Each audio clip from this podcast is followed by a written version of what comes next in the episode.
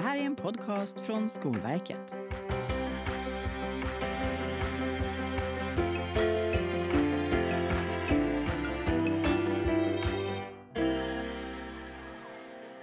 Hej och välkomna till Skolverkspodden. Jag heter Adam Samara och den här gången ska vi prata om strategisk kompetensförsörjning. Alltså att kunna rekrytera rätt personer till rätt positioner och sen kunna behålla dem. För Skolverkets lärarprognos från 2019 den visar att den omfattande brist på behöriga lärare som finns idag den kommer att finnas kvar en lång tid framöver. Fram till år 2033 så beräknas det saknas uppemot 45 000 behöriga lärare och förskollärare. Och det här innebär såklart stora utmaningar för många huvudmän och rektorer i det strategiska och långsiktiga arbetet med sina medarbetare. Samtidigt så visar både Skolverkets egna analyser och den så kallade långtidsutredningen att skolsegregationen ökar, vilket bland annat lett till en minskad likvärdighet i utbildningen. Men allt är inte nattsvart.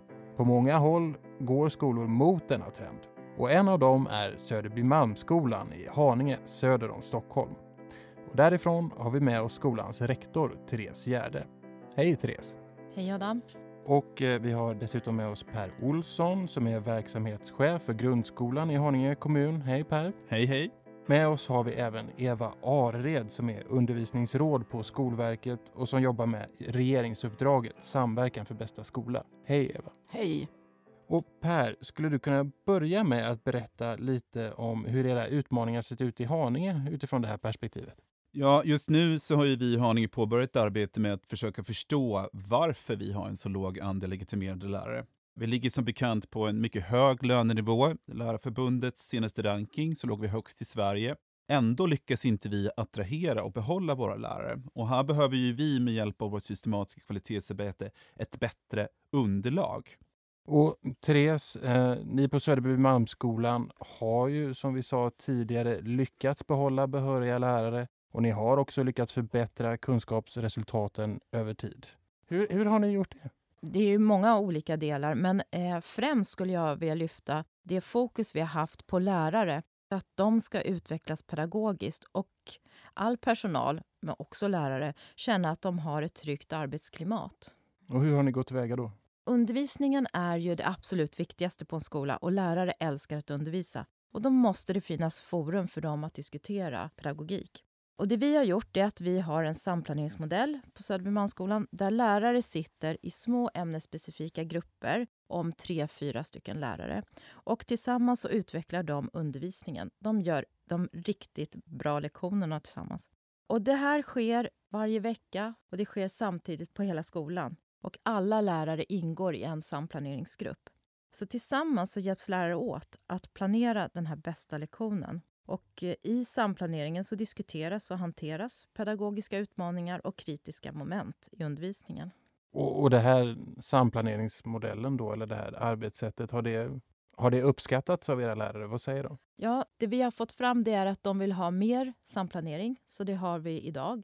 Idag har vi 50 minuter och frågan är om vi ska utöka det ytterligare. Och eh, I början så hade vi det tre veckor av fem i ett mötesrull till att ha det nu varje vecka. Det är så viktigt. Och lärare säger att de tycker att det har utvecklat deras undervisning. Och du nämnde även vikten av att skapa ett tryggt arbetsklimat. Mm. Kan du berätta mer om det? Det handlar ju bland annat om att det finns rutiner för vanligt förekommande situationer som uppstår i en skola. Till exempel om vi tar vikariat. Vi vet att personal kommer att vara frånvarande, planerat eller oplanerat. Och det vi har gjort är att vi har en fast vikarie. Och hon känner alla elever och all personal. Det gör att på vår skola så går lärare sällan in och vikarierar för varandra. Men det vi framförallt har, det är ett förhållningssätt till varandra. Och det lyfter lärarna när vi undersöker vad är det som gör att vi får så hög på trivsel i arbetsplatsundersökningen. Då säger de att det här förhållningssättet vi har, att man vågar be i princip vem som helst om hjälp i olika situationer, det skapar, som jag skulle säga, ett tryggt arbetsklimat.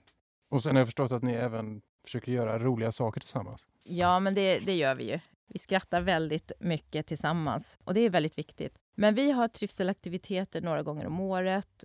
Jag vet att personalen går på after work. Vi har hälsoaktiviteter tillsammans. Vid halloween så klär alla ut sig. All personal klär ut sig och så. Det blir väldigt roligt. Vad klädde du ut dig till senast? Häxa bara.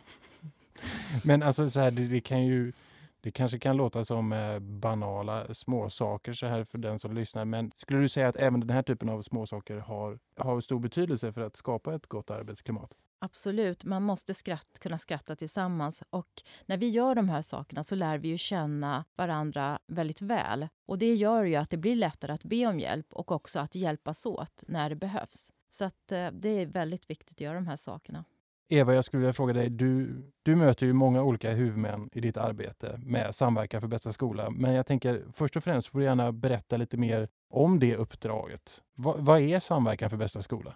Eh, ja, Samverkan för bästa skola är ju ett regeringsuppdrag. Eh, och Skolverket har ju jobbat med det här stora uppdraget sedan hösten 2015. Det handlar om att i dialog med utvalda huvudmän genomföra riktade insatser i syfte att höja kunskapsresultaten och öka måluppfyllelsen i förskolan och fritidshemmet. Och det här regeringsuppdraget det syftar också till att öka likvärdigheten inom och mellan de utvalda skol och förskoleenheterna. Det är ju inga små ambitioner. Hur, hur lyckas man med det? Nej, det stämmer. Det är inga små ambitioner. Och, eh, ja, framgångsfaktorn är ju att vi jobbar under en längre tid tillsammans med huvudmännen och de utvalda enheterna. Det är faktiskt under hela tre år som vi arbetar tillsammans. Och det vi gör i vårt uppdrag det är att vi är ett processstöd i arbetet med att göra nulägesanalys. Och den ska då ligga till grund för de insatser som vi tillsammans med huvudmannen kommer fram till behövs. Och övergripande handlar det ju också om att stärka huvudmannens eh, systematiska kvalitetsarbete. För det är grunden till det hela, så att säga. Och, och, rent konkret då, alltså, och då tänker jag lite utifrån det som både Per och det som Therese har pratat om hittills. Alltså, om ni kommer till en skola då och man berättar om att man har utmaningar med att till exempel behålla eller rekrytera lärare. Vad kan en nulägesanalys göra då? Alltså, vad är det man kan få syn på? Ja, man jobbar ju med att försöka ta fram eh, antaganden om orsaker och underliggande orsaker till att det ser ut som det gör. Och eh, det kan ju handla om till exempel att arbetsmiljön är dålig. Det kan handla om ledarskapet.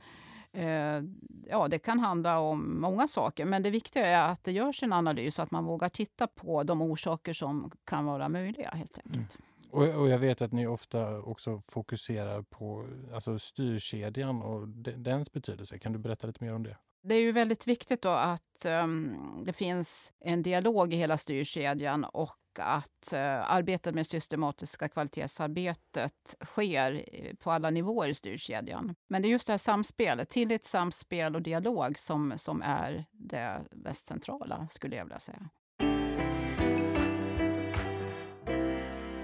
Per, eh, ni har ju varit med i Samverkan för bästa skola nu under tre års tid. Hur skulle du säga att det rent konkret har påverkat ert arbete med strategisk kompetensförsörjning? Ja, jag vill verkligen betona att det har påverkat oss i allra högsta grad.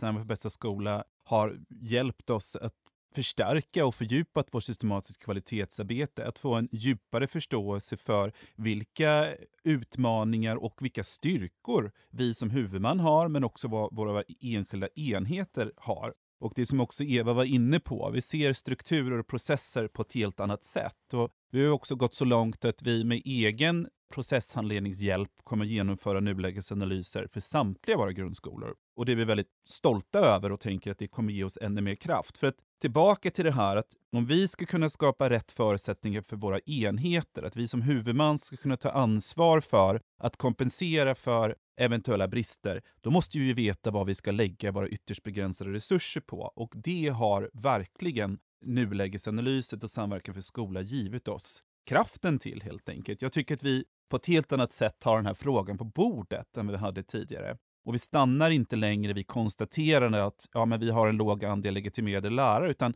vi har en, en, en, stark och kraftig ambition om att ja, vi kan och vi vill och vi ska förändra den här situationen tillsammans. Och på vilket sätt tänker du att man kan förändra förutsättningarna?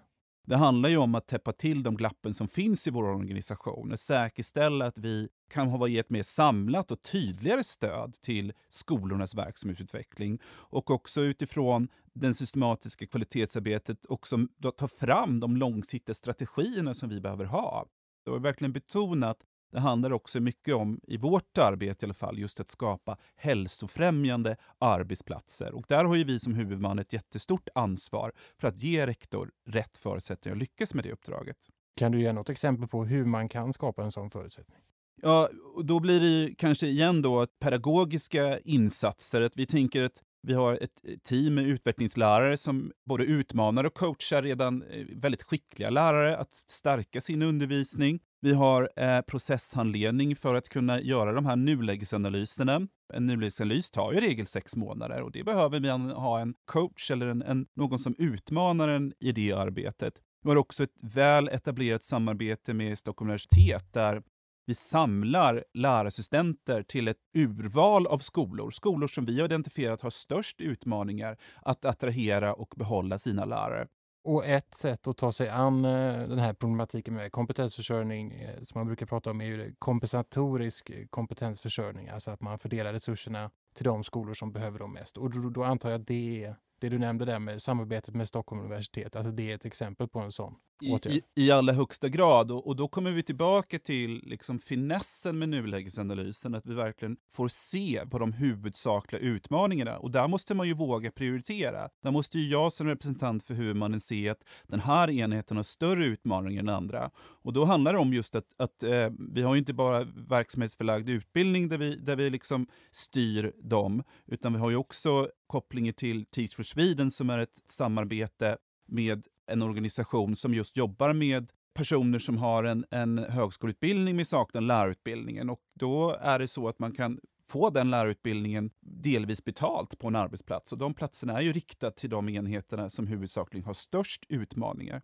Men en annan förutsättning som vi inte får glömma bort här, det är ju också att kunna våga att eh, fördela resurser. Och i den utsträckning jag har möjlighet att fördela resurser så är det ju utifrån det stora statsbidrag, statsbidrag för en likvärdig skola, som är indexerat och där jag utifrån elevernas bakgrundsfaktorer och vad jag bedömer att skolan har för utmaningar också får en större andel av det här bidraget. Och det är tillbaka till att just att skolan måste veta vilka utmaningar man har och det är skolan som måste kunna sätta in de rätta insatserna.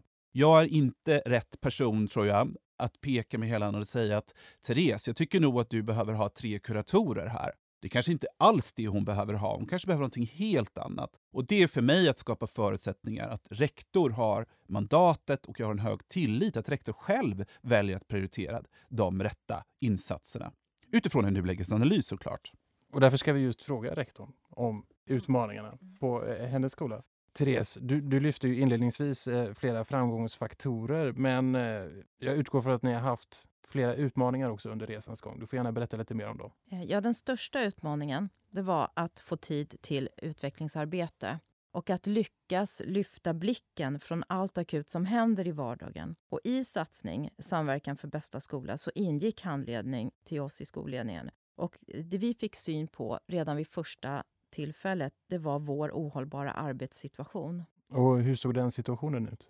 Dörren in till oss stod alltid öppen. Alla var välkomna in, elever som personal. Vi tog tag i alla utmaningar, alla problem och vi kände oss så duktiga och ambitiösa. Och Vi fick väldigt mycket beröm, vilket gjorde att vi tänkte vi kör på ännu hårdare. Och vi levde på hoppet att någon dag så kommer det väl ändå lugna ner sig så att vi hinner ägna oss åt eh, skolutvecklingsfrågor. Och det hände ibland på eh, fredag eftermiddag. Men eh, då var vi så trötta så att vi orkade inte ta tag i de frågorna, de stora viktiga frågorna. Det, det lugnar aldrig ner sig helt enkelt? Nej, det, det gör det inte. Och om vi inte hade fått hjälp med, den här, med att få syn på den här ohållbara situationen så vet inte jag om jag hade orkat vara rektor idag. Och vad skulle du säga, vad är den stora skillnaden från det scenariot till hur ni arbetar idag? Alla våra uppdrag hamnar nu i en inkorg och vi har valt att ha något som vi kallar tavelmöte för att få en helhetssyn på läget. Och sen så har vi ett schemalagt möte på tre timmar i veckan när vi bara ägnar oss åt skolutvecklingsfrågor.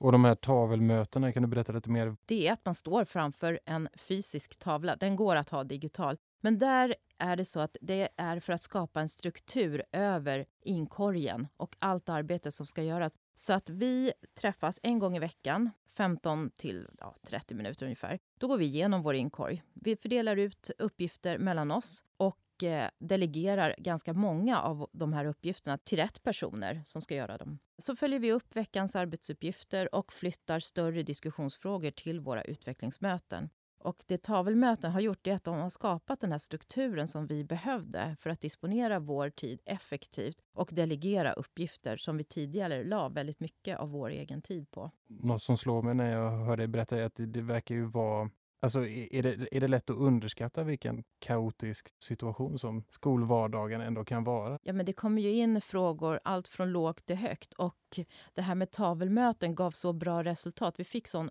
struktur på vårt arbete. Så att nu är tavelmöten, den genomförs i alla arbetslag, i alla utvecklingsgrupper på vår skola. De har den här modellen för att just strukturera upp. Vad är de större, viktigare frågorna som vi måste prioritera och vad kan man fördela ut till andra att göra som inte alla behöver ta del av?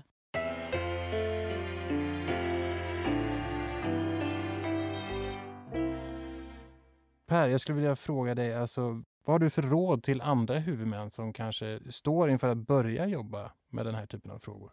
Jag börjar där jag inledde. Det är att man behöver ha ett starkt systematiskt kvalitetsarbete. Om man ska lyckas långsiktigt att förändra den här utvecklingen så måste vi veta vilka utmaningar som man har lokalt och hur vi då i nästa steg kunna möta dem med rätt insatser. Mm. Sen tänker jag att det är också väldigt viktigt att det måste finnas en hög tillit till rektorer och professionen. Vi behöver ha en dialog med våra medarbetare vad, vad de behöver för att stanna kvar och, eh, och vad som ska göras attraktiva.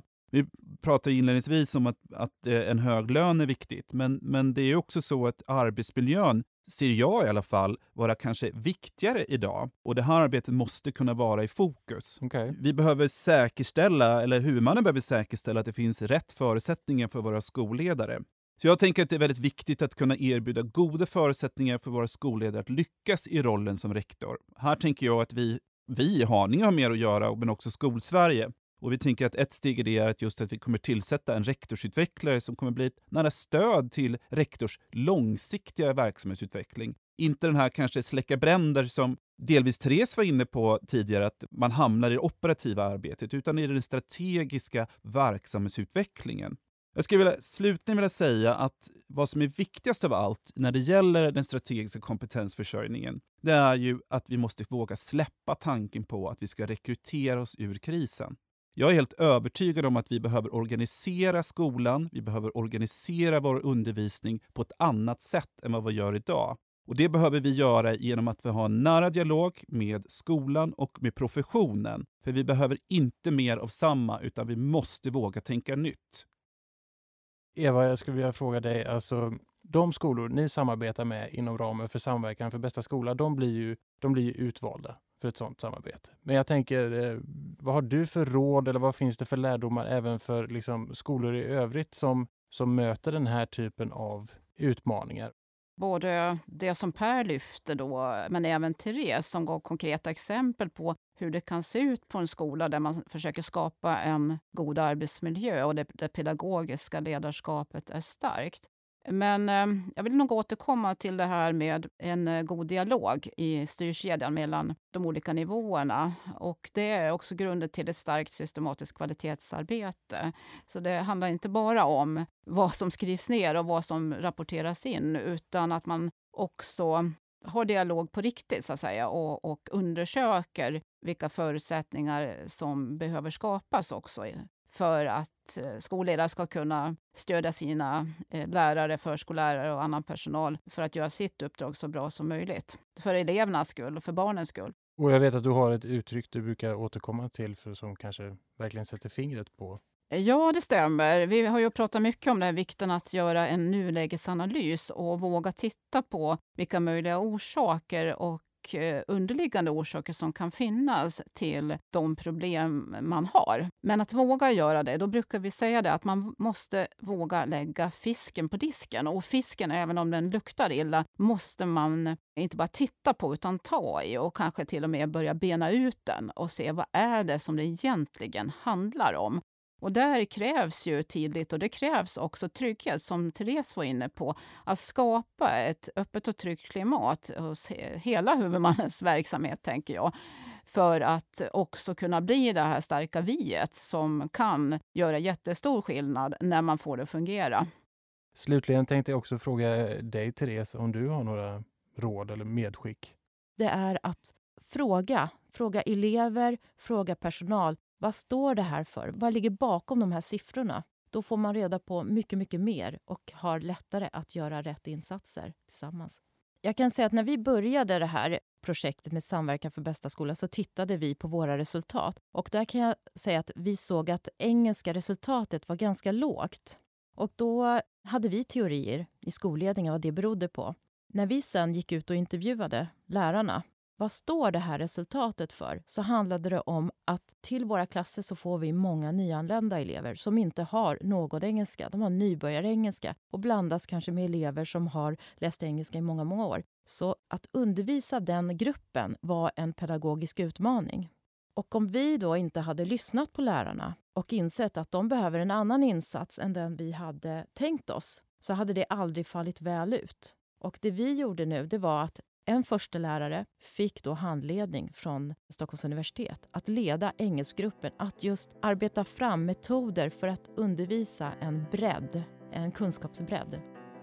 Och med det så var det all tid vi hade för den här gången så jag säger tack så mycket till Therese Gärde, rektor på Söderby Malmskolan.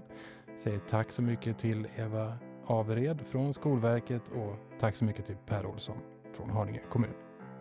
Det här var Skolverkspodden med mig Adam Samara. Hej då!